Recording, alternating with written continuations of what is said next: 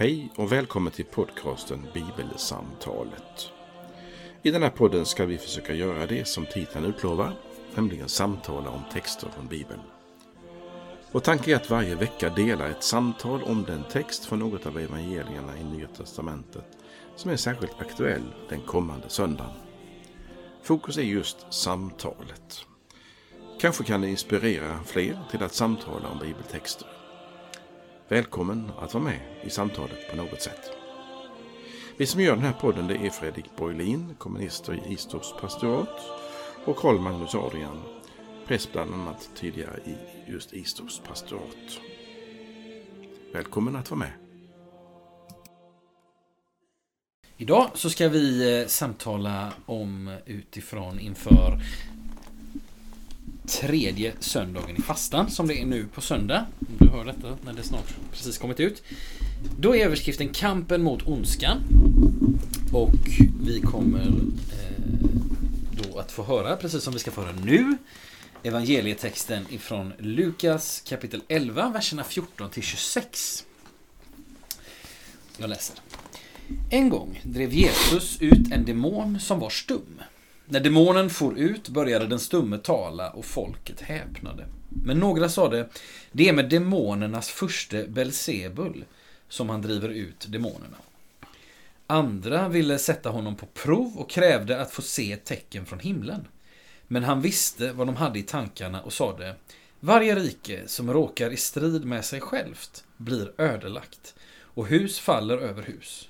Och om nu Satan råkar i strid med sig själv hur skall hans rike då kunna bestå? Ni säger ju att det är med Belsebul som jag driver ut demonerna. Men om jag driver ut demonerna med Belsebul, med vems hjälp driver då era anhängare ut dem? De kommer att, det kommer alltså att bli er dom. Men om det är med Guds finger jag driver ut demonerna, då har Guds rike nått er. När en stark man vaktar sin gård med vapen i hand får hans ägodelar vara i fred. Men kommer det en som är ännu starkare och övermannar honom, tar den mannen ifrån honom alla de vapen han litade på och fördelar bytet. Den som inte är med mig är mot mig och den som inte samlar med mig, han skingrar. När den orena anden lämnar en människa vandrar den genom vattenlösa trakter och letar efter en plats att vila på. Hittar den ingen säger den, jag vänder tillbaka till mitt hus som jag lämnade. När den så kommer och finner det städat och snyggt går den bort och hämtar sju andar till som är värre än de själv. Och de följer med in och slår sig ner där. För den människan blir slutet värre än början. Så lyder det heliga evangeliet. Lovad vare du Kristus. Jag eh, tänkte att jag ville föreslå ett upplägg för dagens samtal. Eh, men jag vill, jag vill börja med att säga någonting bara om eh, kontexten. Först, bara placera in detta i ett sammanhang. Eh, idag i texten så pratar Jesus. Det har vi hört många gånger förut eh, när vi har läst texter i den här podden. Eh, ibland är det mer fokus på att Jesus gör saker. Eh, idag så är det stort fokus på att han talar och vi kan säga så här, vi är inne i ett sjok av tal. Precis före våran text idag så talar Jesus om bön. Han ger lärjungarna Herrens bön. Eh, precis efter så fortsätter Jesus tala. Och då talar han om Jonatecknet, han talar om ögat som är kroppens lampa. Eh, han talar ut anklagelser mot fariseer och laglärda och sådär. Så, det, det, är mycket tal idag. Eh, och så Det, var, det var det jag ville säga om, om bara om kontexten. Och så har jag ett litet förslag, Carl Magnus. Du behöver inte alls köpa detta. Eh, men jag tycker att den här texten har, som vi har hört idag, den har väldigt tydligt tre delar, tycker jag. Mm. Eh, det vill säga, och jag, jag, jag, har en, liksom en liten tanke om varje del. Men, men eh, vi ser vad detta samtal tar vägen. Eh, men jag tänker mig så här, att först är det en diskussion om Jesu andliga tjänst, eller andliga makt. Det vill säga, de pratar om var kommer Jesu makt ifrån? Liksom? Det är det första. Och sen så kommer en liten, kan vi säga, en liknelse om en stark man som binds. Det är liksom en del för sig.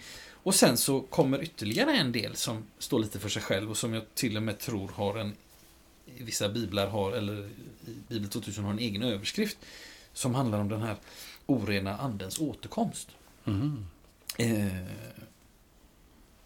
så jag, jag, jag hade liksom en, tanke om varje Vad del. trevligt. Ja. Men, men vill du börja i någon annan ända eller vad tycker du vi ska göra idag? Jag kan ju säga något. Gör gärna det. Så har jag sagt något.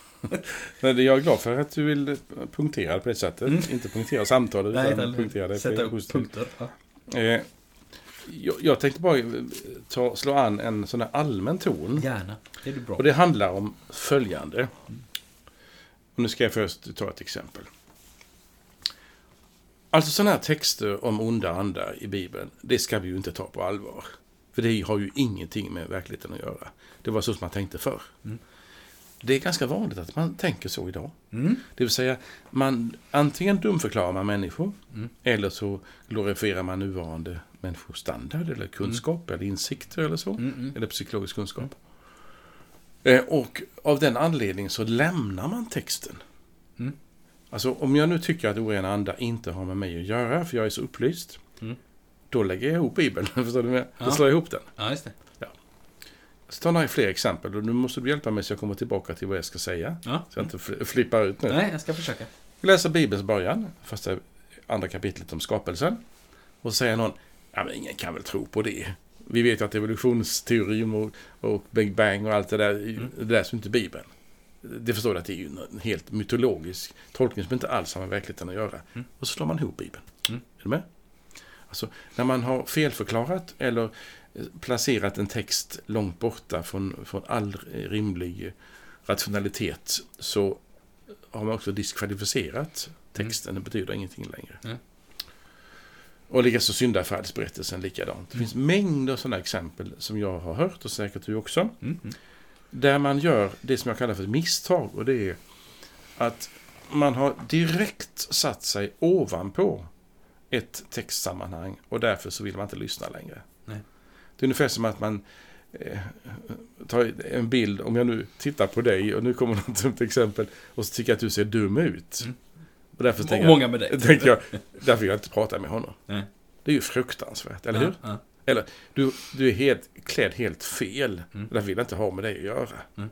Eller du tycker om viss musik och därför vill jag absolut inte prata med dig om musik. Nej. Du har liksom dömt personen. Mm.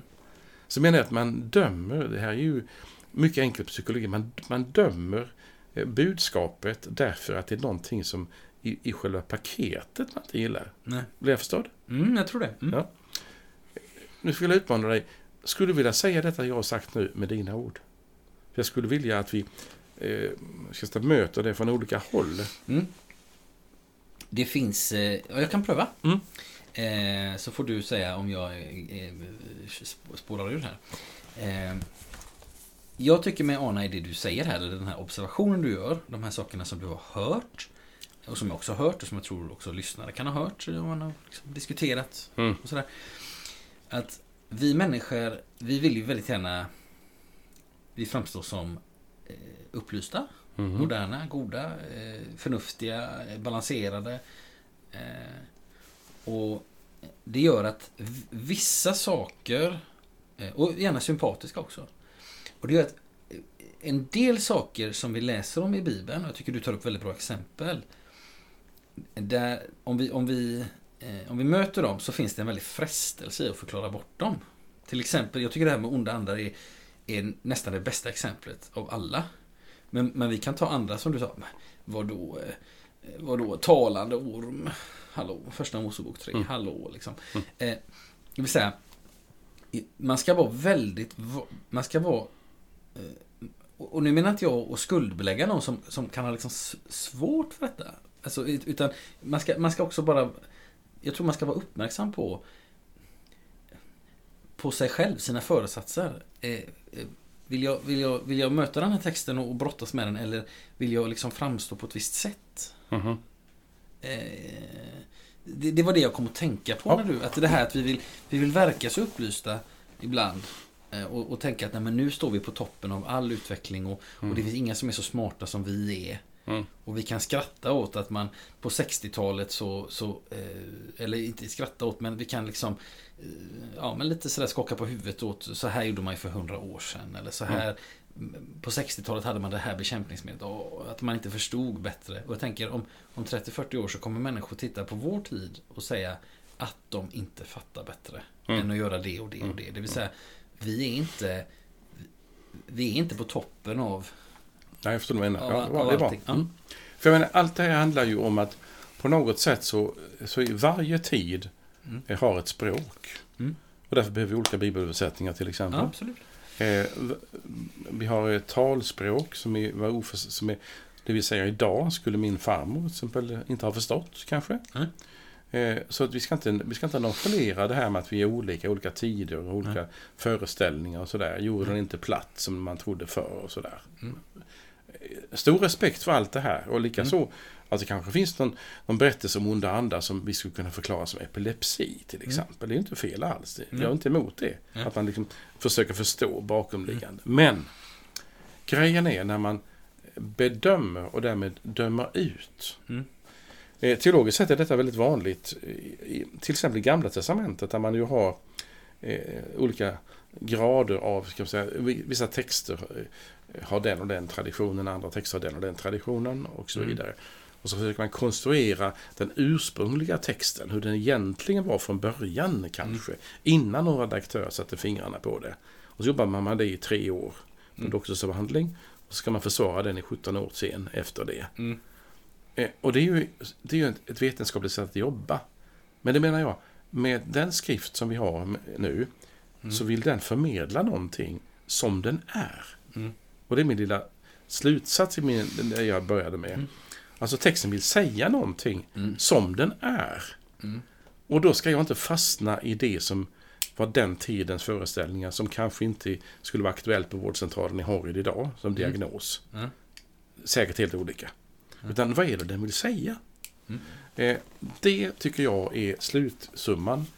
Om jag har förstått någonting rätt av det här med vad det handlar om. Och då för att, innan du tar dina tre punkter, mm. så tycker jag mig se i det här sammanhanget också som är en del av temat den här söndagen, kampen mot ondskan. Mm.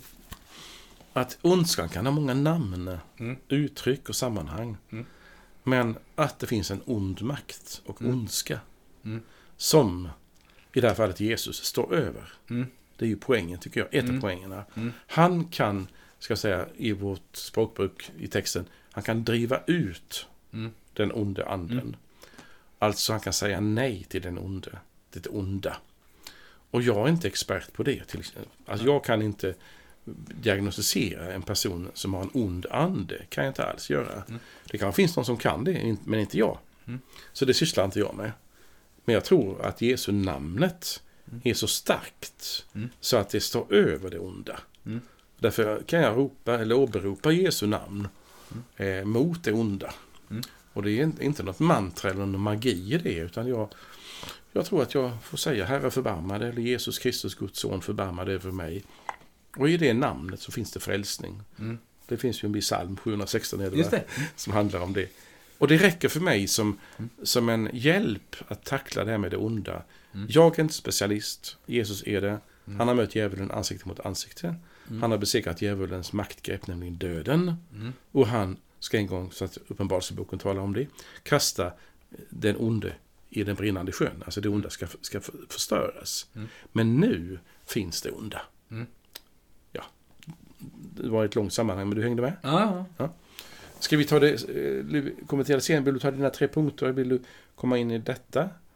Jag, det är ingen invit till dig precis. Jag bara det att, så gick jag igång på textens, som jag tolkar, poäng. Och det är Jesus är herre över det onda. Ja. Han står över det, han kan behärska det, han kan mm. driva mm. ut det. Mm. Och jag är inte det, och vi är inte experter på det onda. Nej. Därför ska vi inte liksom hålla på, tror jag, och fuska med, med onda. Vi ska inte heller åberopa djävulen och vi ska inte kalla på djävulen, definitivt inte. Vi ska inte be till djävulen. Vi ska inte, alltså vi ska inte syssla med det, Nej. med det onda eller det Nej. mörka eller det ockulta. Det är lurigt. Ja. Det står Jesus över. Han kan ja. det.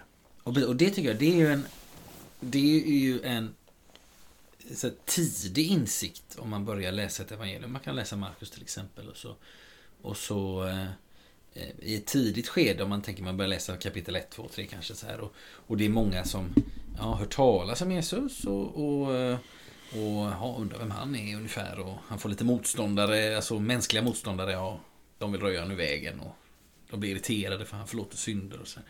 Eh, men de, de kan liksom, det är ingen som kan greppa Jesus, utan det kommer folk från alla håll och vill ha hjälp och vissa vill kritisera och sådär. Men, men som jag uppfattar liksom evangeliets början då till exempel i Markus så är det att folk är ändå liksom Alltså de spanar in Jesus.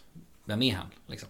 Så. Ja, det är intressant ja. i vår text idag ja. att de gör ju det. Och, och, men, men det som är intressant är att det redan mycket tidigt i Markus så står det att de onda andarna faller ner för att de visste vem han var. Mm.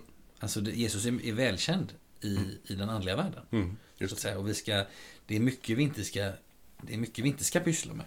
Eh, när det kommer till sånt här. Men, och, men också så att säga, vi ska heller inte eh, vi, vi, ska heller inte låtsas som att det inte finns. Så att säga. Nej, och det kan vara också bra om jag inte av, avbryter. För att när vi talar om ondskan, som ju är ett av teman för, för idag, mm. eh, så är det ju inte så att vi eh, betygsätter människor efter, mm. efter, en, efter den onda skalan. Nej, nej. Den, är, den är en tvåa, men den är en nia. Ja, det, max 10 poäng. Mm. Sådär. Eh, det vill säga, vi, vi säger inte den onda människan. Nej. Eh, det finns ondska i oss allesammans. Mm. Jesus säger det i Markus 7.21. Inifrån människans hjärtan kommer det onda. Så mm. räknar han upp det. Så det finns ju inom oss det mm. onda naturligtvis. Mm. Men vi, vi, vi skulle inte säga till en människa, du är ond. Mm. Men vi kan säga det onda finns. Mm. Och den onde finns också. Som i bönen Fader vår. Det är både den onde och ondskan i allmänhet det handlar om där. I den bönen. Eh, så det är en, det är en det, det ordet du använder var kanske inte men det är, en, det är inte en respekt för, för, för, för den onde. Mm. Men en respekt för att det onda finns. Mm. Passar det att säga så? Eller hur skulle du formulera det? Alltså man accepterar, man, man nonchalerar inte det onda. Nej. Man säger inte, ah, det är bara för att du har en taskig bakgrund. Nej. Eller barndom. Nej. Som du är du sån. Eller, utan det, det, onda, det onda är inte bara en produkt av din miljö. Nej. Utan det finns någonting ont. Mm. Och, och då tycker jag att, att det här med när vi talar om onda på det sättet så dels kommer det nära oss. Men samtidigt handlar det om ungefär du får inte lov att döma en annan människa. Mm. Du får inte lov att döma en annan människa. Men du, får, du kan förstå och acceptera mm. att det finns någonting ont. Och återigen den här slutsatsen, den mycket enkla tesen att Jesus står över, alltså han, han är herre mm. över mm. också den onde. Den onde mm. inte på honom. Mm. Det du sa att de faller ner och tillber. Eller de mm. faller ner och respekterar honom eller mm. någonting mm. sånt. Mm. Ja. Precis, och jag tänker det här med som, det som du började med, Magnus. Eh, det här att, ja, det finns en, det, man kan bara höra att det, det är liksom det, det ond andlig makt, eh, onda andar och så orena andar och som det har ju lite olika namn i evangelierna. Alltså det finns en frestelse i att, att förklara bort det bara. Ungefär som att ja, ja, men idag vet vi bättre. Ja, det precis. Ja. Och, och, mm. och då skulle jag också vilja föra in att eh, jag har själv stött på den typen av resonemang ganska många gånger. Och, och jag kan tycka att det, det är egentligen det är dubbelt problematiskt för att eh, i dagens text är det inte bara så att ah, det nämns någon liten ond ande och så får den ut och så var det bra. Utan det här i texten idag så får vi ganska mycket en diskussion. Mm. Jesus pr pratar, liksom det blir en diskussion om med vems andliga makt, eh, vem, med vem har Jesus, av, utifrån vem har Jesus mandat att göra detta? Eh, han kan också prata om på slutet där, alltså den här onda anden som försvinner iväg, kommer tillbaka. Eh, för det är klart att hade, hade det bara stått till exempel, eh, mannen hade en ond ande. Jesus drev ut den och han botade många andra sjuka. Och sen gick han vidare. Då är det lättare att kanske komma till att ja, men det, det kanske var någon typ av sjukdom eller sådär. Men här, här, här är ju hela, hela dagens text är ju långt samtal om den onda andliga verkligheten. Och då blir Absolut. det liksom desto svårare att förklara bort det här. Mm. Eh, det, det, det, tycker jag man ska, man ska ha med sig. Ja, det är bra. Och, och det är också det att återigen bönen eh, fräls oss ifrån ondo eller mm. rädda oss från det onda. Mm. Så tar det också fasta på det att vi ber Gud om skydd mot det onda. Mm. Vi säger inte till djävulen och ber honom sluta upp. Nej. Alltså vi, vi, vi vet vem, till vem vi ska be. Mm. Och det är skillnad på att inse och, och förstå att det finns en ond makt och en, en ond ande eller en ond, ond personlighet. Mm. Och att av den anledningen börja samtala med den onde eller någonting sånt. Mm. Nej, nej, nej, aldrig det. Utan den som har makt ska man tillbe. Det finns ju teologi som har placerat, det här har varit i olika perioder av kyrkans historia, har liksom placerat djävulen parallellt med Gud, som om det är en gudomlig, som det är en strid i himmelen. Mm. Där man inte vet vem som är starkast. Mm. Därför ska man liksom ta parti för Gud mot djävulen. Mm. För det är taskigt för Gud, för Gud liksom påverkas av djävulen. Mm. Nej, Gud står över djävulen. Det är ju den, den bibliska hierarkin som finns. Ja, Att sen Gud eh, kan tillåta det onda att, att rotera och, och sabotera, det är ju, det är ju för oss märkligt, men, men det är ju också många bibeltexter som talar om det. Att, att det Mm. onda har liksom, ska vi säga, eh, han har eh, plats på den plats som Gud ger Mm. den onde. Och därför så ber vi till Gud, rädda mig från det onda. Mm. Ta ifrån mig det onda. Mm. Och i detta fallet med Jesus som driver ut den onda ande. Mm. Om man nu har den gåvan som jag inte har, och kanske inte du heller. Mm. Så vi sysslar inte med demonutdrivning, för vi, vi kan inte det. Vi förstår inte det. Så ska jag säga om mig själv. Mm. Jag sysslar inte med det. Men jag vet flera exempel. Vi har vänner som har varit eh, rätt mycket i Etiopien som berättar om en verklighet där som Mm. ju är absolut inte är någon sorts primitiv syn på människan. Nej. Men där det finns många, många exempel på hur människor har varit helt galna. Och så har de bett för dem med handpåläggning kanske. Och så på ett ögonblick, den stora befrielsen. Mm.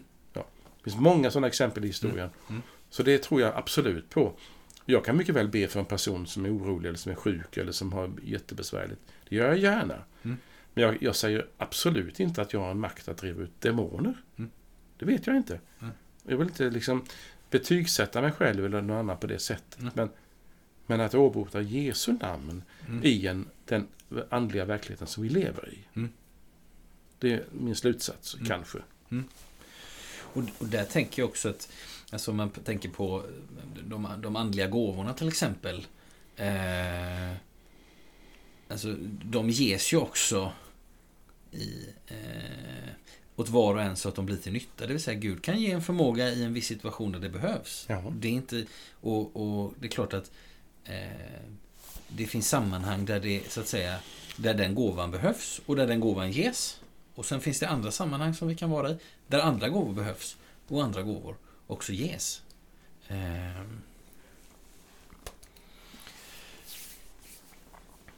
Får jag eh, återvända till, eh, Det är dina tre punkter. ja, mina tre punkter. Det tycker jag var trevligt. Eh, Ja. Så här då.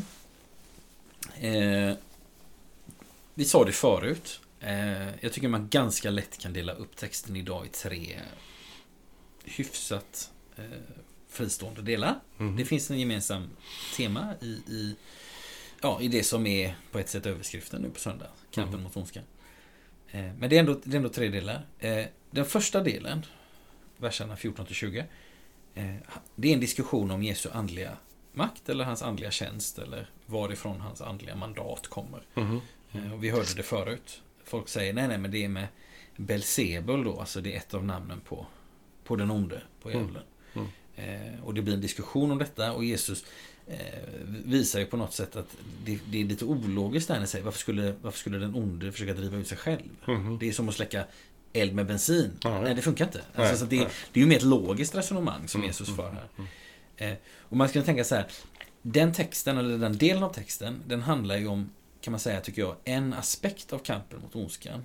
Som är att Jesus bekämpar, eller Jesus driver ut, det är ett bättre ord och det är det som används i texten.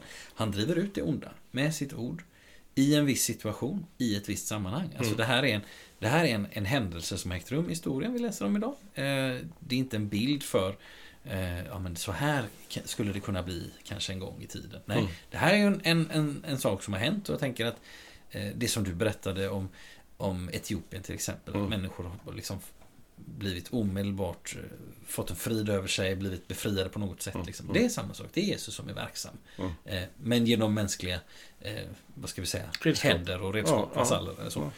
Eh, Det, men- och det är en aspekt att ja, men Jesus han, han bekämpade ondskan då. Eh, han drev ut den och han gör det idag också. Mm. Eh, även om din och min erfarenhet av att ha fått stå i en sån tjänst är mycket begränsad. Absolut. Eh, eh, och, så att jag tänker att det är en aspekt av kampen mot ondskan. Men Jesus går i clinch med den. Han gjorde det då, han gör det idag. Mm. Eh, kritiken i texten mot honom, alltså det här som Jesus möter från de, det är väl, vad är det, skriftlärda fariseer. Den är ju på ett sätt obalanserad för deras, deras, den håller inte riktigt den här, deras sätt att argumentera. Nej. För de liksom bara, nej men det, det, det är ologiskt det de säger. Och tänker så här, det finns också en risk att kristna blir obalanserade i den andliga kampen. Så kan det Vi, säkert vara. vi kan köra, jag tänker vi kan köra i två diken. Vi kan köra i diket. Nej, nej, nej, nej. Det här är fånerier. Mm. Idag är vi lite som vi var inne på förut. Ja. Och, och sen finns det också eh, det andra diket. Att så att säga överförhandliga allting. Allt är onda andar och... Ja, eller precis. Jag har eh, inte sovit på tre nätter här. Så nu är jag så trött så jag har en trötthetsdemon i mig. Mm. Fast du kanske bara ska gå och lägga dig och sova istället. Just det. Eller, eller så. Det är Alltså, ett bra exempel. Eh, alltså, eh, det vill säga, vi ska inte köra i något av dikena. Utan vi ska hålla oss på vägen. Eh, så man kan väl säga så här, man ska ta detta på allvar. Men det krävs också vishet och bön. Jesus har ju faktiskt eh, gett lärjungarna Herrens bön precis innan detta. Det är ju vad som händer precis innan.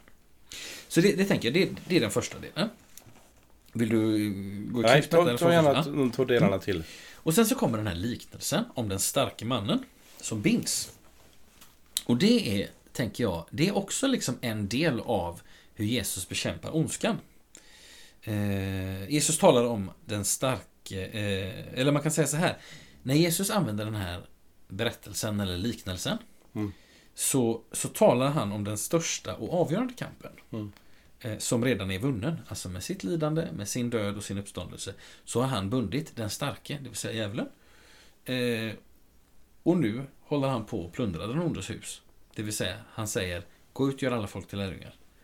Eh, så att Jesus talar också om den kampen som, som redan är vunnen. Eh, den här är bunden. Det kan ju också Uppenbarelseboken tala om att den onde är bunden. Mm. Eh, nu ska människor föras ut i frihet som är bundna Mm. eh, i det här sammanhanget. Så det, det är det andra. Och sen det tredje. Och då tycker jag det, det riktas lite mer till mig själv. Det är det här verserna på slutet om den onda andens återkomst. Vad är mitt hus fyllt av? För det står, det står att eh, den onda anden eh, kommer tillbaks och så finner han huset städat och snyggt. Eh, det kan nästan låta som att, åh vad trevligt, det är städat och snyggt. Det är ju trevligt att komma hem till någon och det är städat och snyggt. Liksom. Det är, eh, jag tänker, det, finns, det finns många människor som, som längtar efter att det ska bli städat och snyggt i tillvaron. Så att säga. Och det finns också många människor som, som har rest sig ur olika typer av kamp och mörker och sådär. Och det, det, det förtjänar en stor respekt ibland. Man tänker, oj, den här människan har verkligen rest sig ur saker och, och sådär. Eh, men när Jesus får komma in i en människas liv då, då kan det ju bli städ eller helande, upprättelse och så vidare. Men han, läm, han, vill inte, han lämnar inte huset. Om, det, om jag tänker huset är en bild för mitt liv. Han vill inte lämna det huset, utan han vill bo där. Vad tänker du om detta? Ja, jag tycker det är mycket dunkelt. Jag vill inte vara så... Jag kan, jag kan ta en... Mm. Ordet tes gillar jag. Ja, ja. Alltså man, man, jag föreslår en, en möjlighet Mm. snarare än att säga så här är det. Mm. Men det är ju någonting att, det står ju så här. Den orena anden lämnar en människa. Mm. Det, är, det är liksom fas ett i Mm. den drama som du berättade om. Men. Eh, och när han då har lämnat den Mm. så vänder han tillbaka. Mm. Och då ser han att där han kom från innan, där är det städat. Mm. Och då hämtar han sju än, ännu värre andar. Mm. Och går tillbaka till detta. Mm.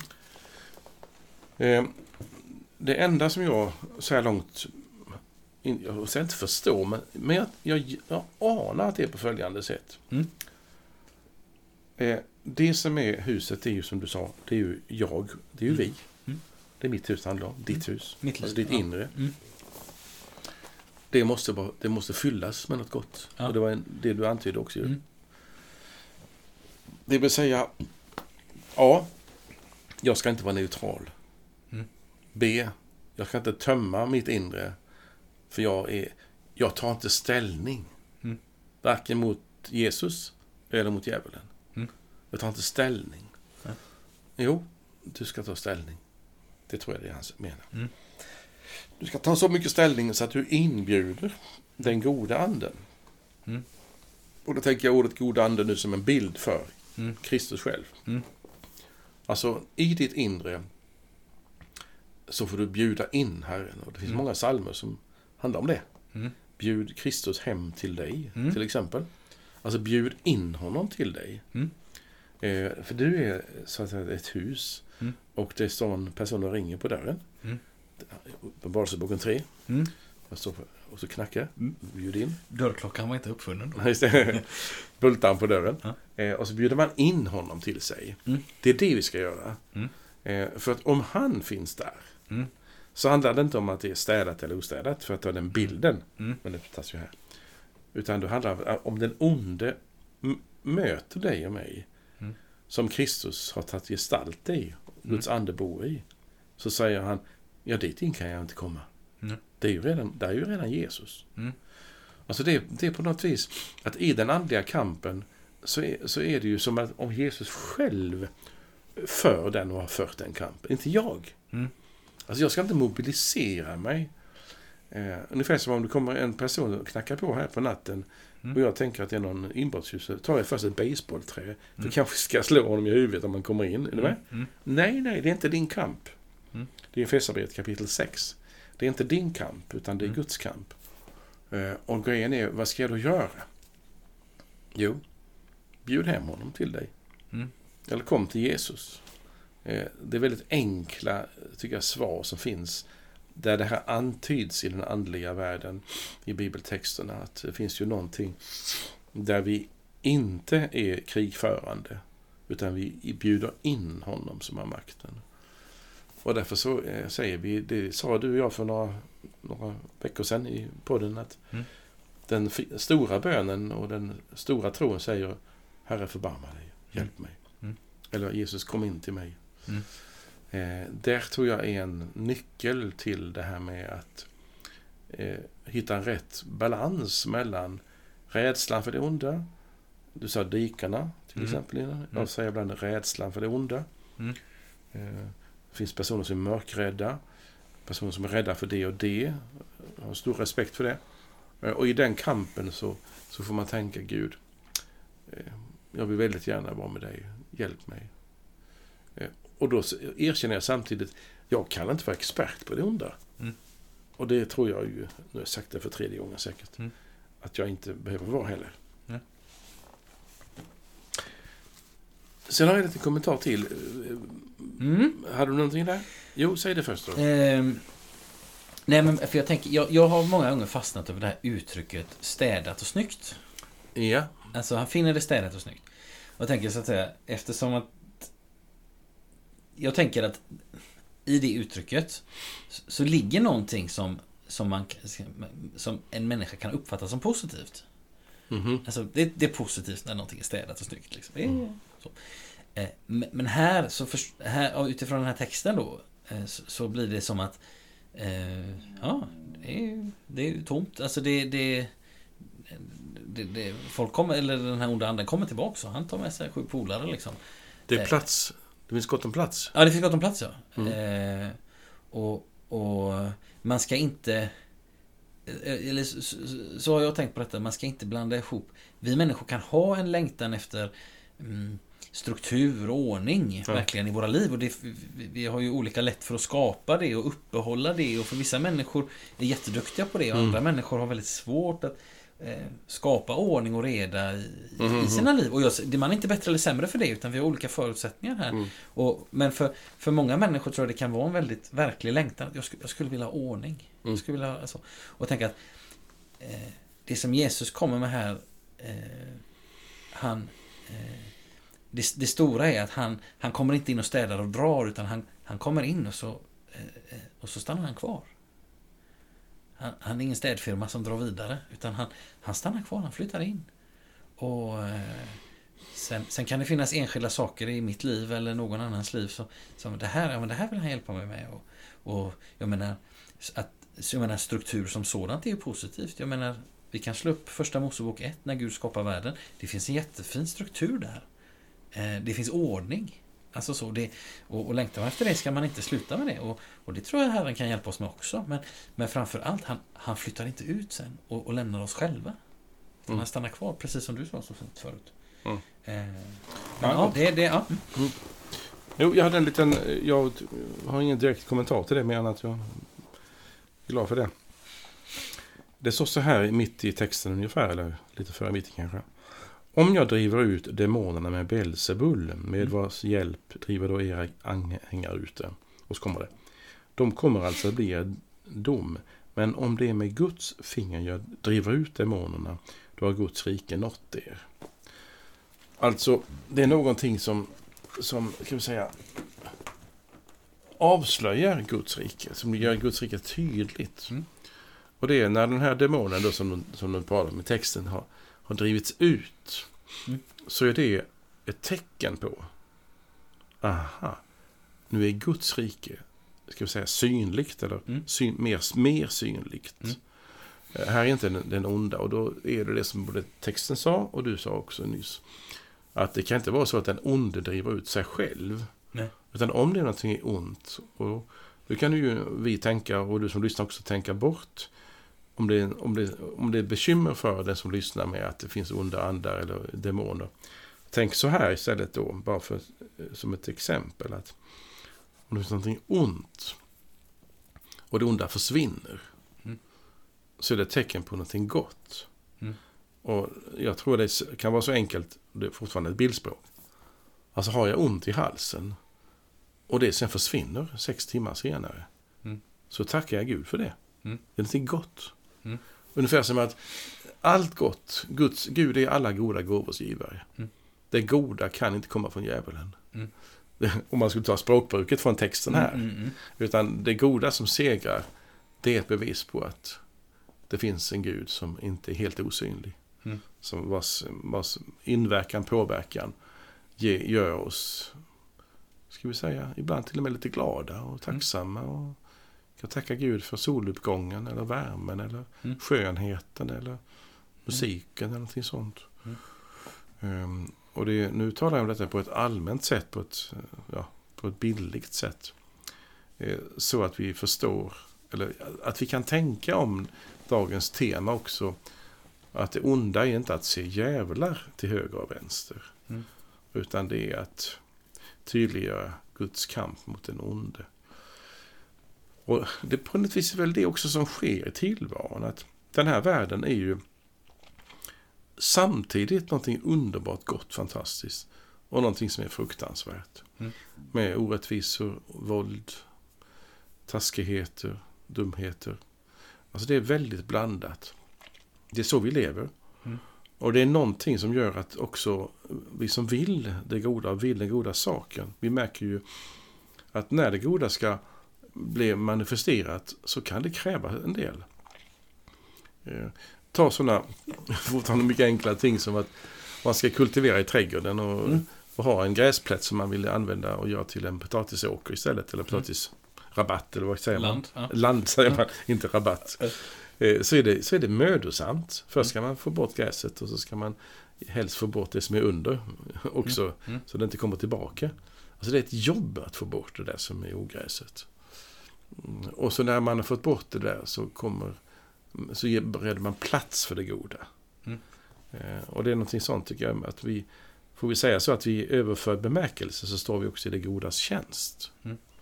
Vi, vi, vi betjänar det goda. Vi tror på att Gud vill också genom oss göra någonting gott. Mm. Inte bara då i alla fall driva ut en ond ande. För det är ju det primära texten handlar om. Mm. Men, men själva temat idag egentligen det är en kamp mot den onde, eller mot ondskan. Och det handlar om väldigt många olika saker.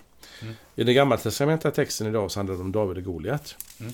Eh, och det ska vi inte prata om nu, eh, även om det är spännande. Mm.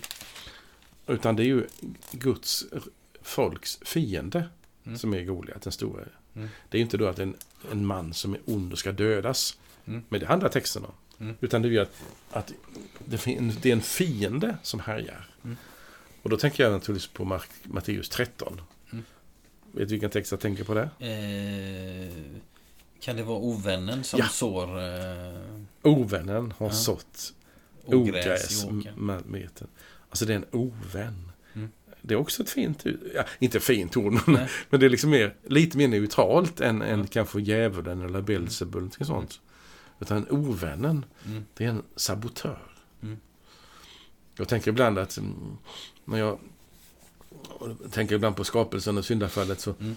så upptäcker man ju att den onde kan ju bara manipulera det goda. Mm. kan ju inte, han kan ju inte liksom skapa nytt.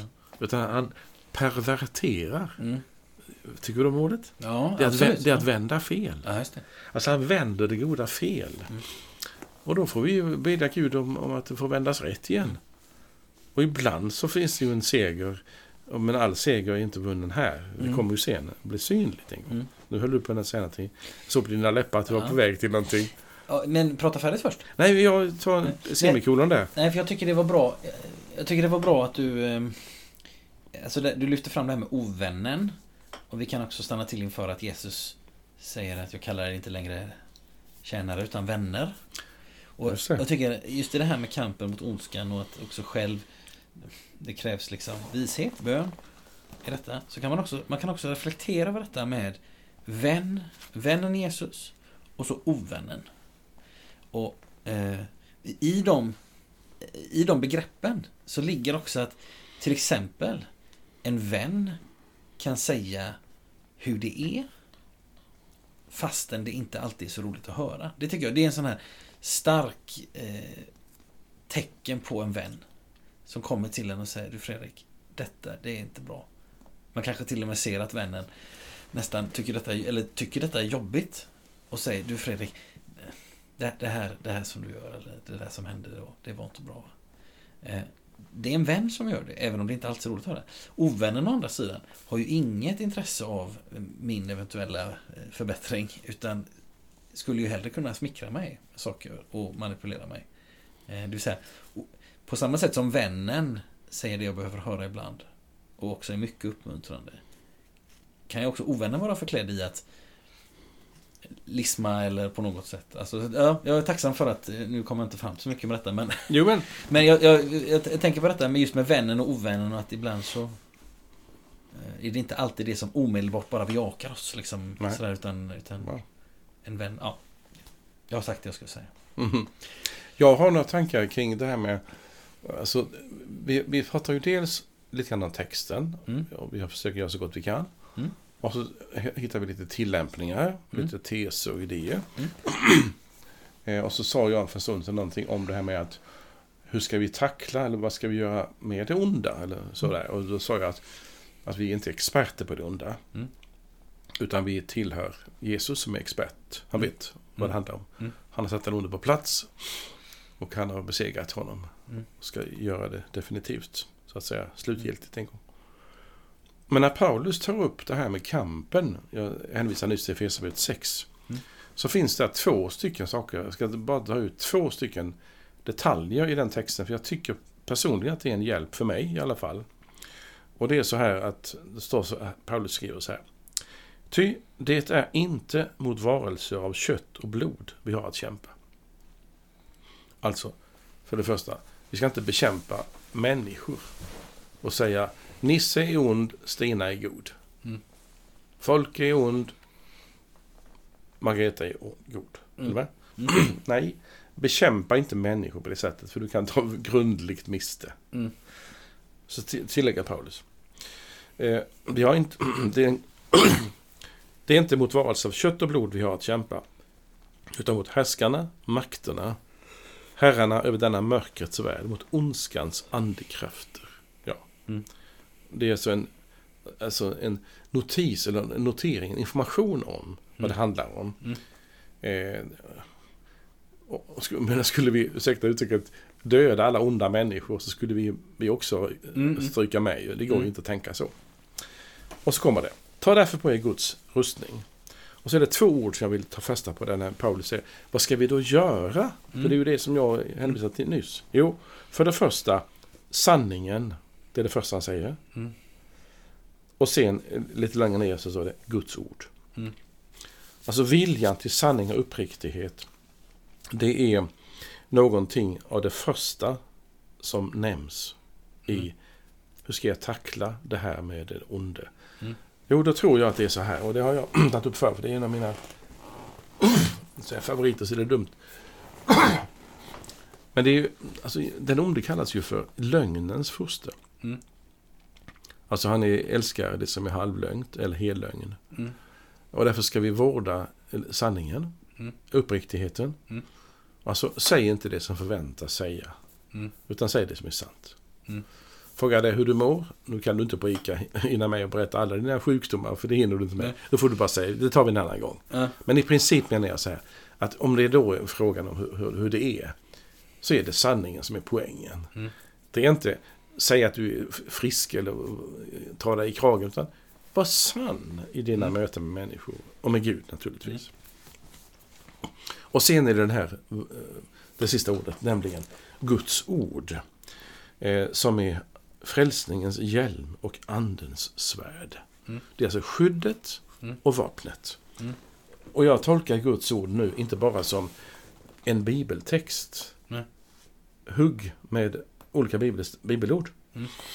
Utan vad är det som är ordets poäng? Jo, det är Kristus själv som är Guds ordet. Mm. Och jag skulle vilja, med, efter den traditionen jag är född i och lever i, ta, emot, ta löftena från Jesus och hålla upp dem. Mm. Eh, Ett exempel. Om jag då är orolig av olika anledningar. Och så, säger, så tänker jag, vad säger Jesus om det? Han säger, jag är med dig alla dagar till tidens ände. Det är ett löfte. Mm. Det är ett bra löfte. Om man nu tänker att det är ett, det är en, ett rollspel. Djävulen angriper mig.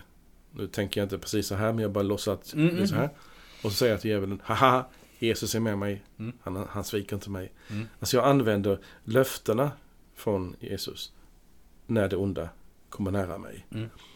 Eh, Och där tycker jag man kan göra mycket konkret, mycket praktiskt. Mm. Inte bara ett bibelord i allmänhet utan Nej men Gud, Gud är barmhärtig. Gud är kärleken. Mm. Kristus är min frälsare. Han är min Herre. Han kommer tillbaka. Jag får använda de här andliga sanningarna och leva i dem eh, mot det onda. Så att jag inte själv, ja, helt kippar efter andan och går under. Eller försöker skärpa till mig. Utan jag får använda ett, någonting bättre än mina egna ord och det är Kristus. Och det är därför tror jag att evangeliets löfte, det är det som är vapnet. Ja, det tror jag jag vill säga som, Mm. som, mitt, som mitt, min avslutning idag i alla Ja. fall. Och då blir din avslutning, tycker jag, alldeles utmärkt som vår avslutning. Eh, kära vänner som har lyssnat på detta. Eh, hoppas att du har fått med dig någonting. Eh, tack Carl Magnus, fint att prata med dig. Tack Fredrik. Det är roligt och eh, vi önskar dig som har lyssnat allt gott och eh, Gud välsigne dig. Hej då! Hej då.